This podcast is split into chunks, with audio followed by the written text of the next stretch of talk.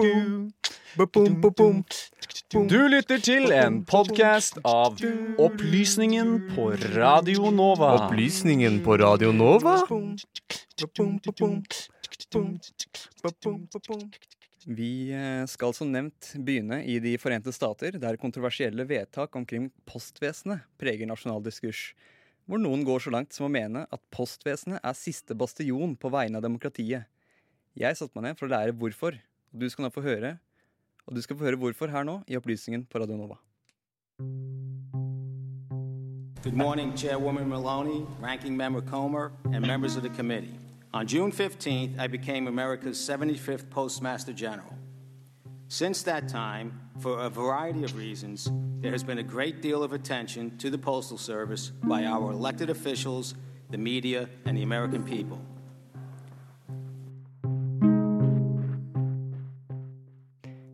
Skal til Amerika, hvor postmaster general Louis DeJoy nylig måtte stille seg regelrett opp foran en parlamentarisk komité i Representantenes hus grunnet drastiske endringer han ønsket å implementere i det amerikanske postsystemet. Denne saken skal forklare deg hvorfor noen mener Posten kan redde det skjøre amerikanske demokratiet.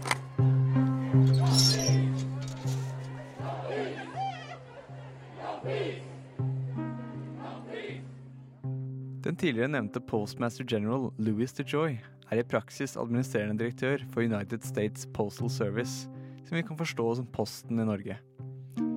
USPS har et statlig monopol på leveringen av privat post i form av brev, men har stor konkurranse hva angår leveransen av pakker fra nevneverdige selskaper som FedEx, UPS og Amazon. USPS skiller seg fra disse private aktørene ved at det er grunnlovsfestet at de skal levere post til alle amerikanere uansett bosted til samme pris. Der USPS ulogisk nok er lik de andre selskapene, er ved at det har som mål å være en inntektskilde for staten. Det er for øvrig ved å følge pengene vi finner stridens kjerne, i hvert fall tilsynelatende. President Donald Trump sa for to uker siden i et intervju med Fox Business at demokratenes forslag om å hjelpe USPS kun ville åpne opp for muligheten for å stemme via posten, noe han ikke ønsker. Han mener at denne måten å stemme på kun vil lede til bedrageri og valgfusk. Trumps motstandere mener han kun ønsker å hindre poststemmene, fordi det vil hjelpe hans gjenvalg. Ken Stern i Vanity Fair skriver at i delstaten Michigans primærvalg i august ble 6400 valgsedler frimerket innen valgdagen, men ble ikke talt da de ikke ble mottatt i tide.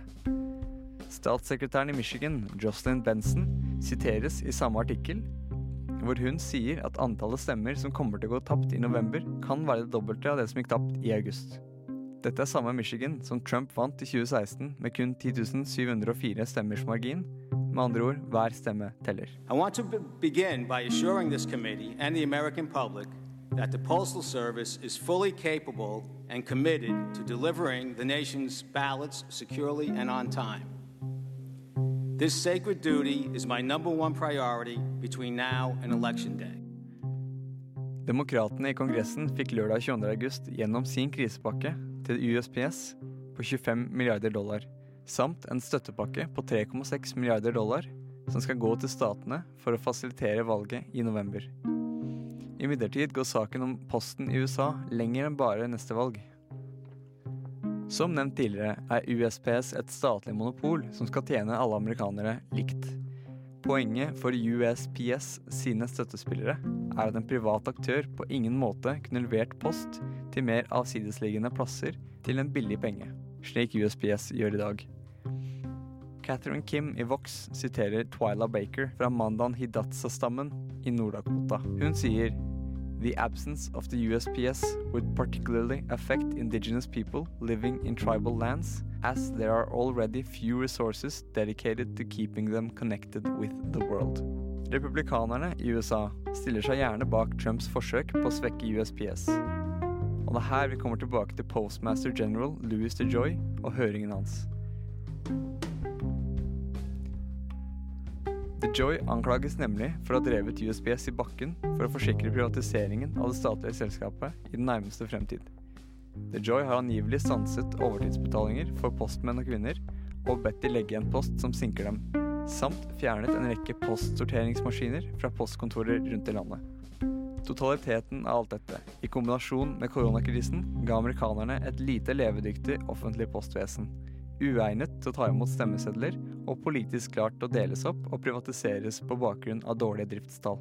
Fremtiden er vanskelig å spå, nå som demokratenes krisepakke har gått igjennom, men USPS fremtid vil trolig avgjøres av resultatet på valget i november de formodentlig skal være med å fasilitere for flere tusen amerikanere. Lyden av eh, Postmaster General Louis DeJoy er hentet fra C-SPAN, og saken er laget av meg, Sebastian Hagel. Du har nå hørt en podkast fra Opplysningen 99,3. Finn denne og tidligere episoder på Spotify, iTunes eller der du måtte finne dine podcaster ellers.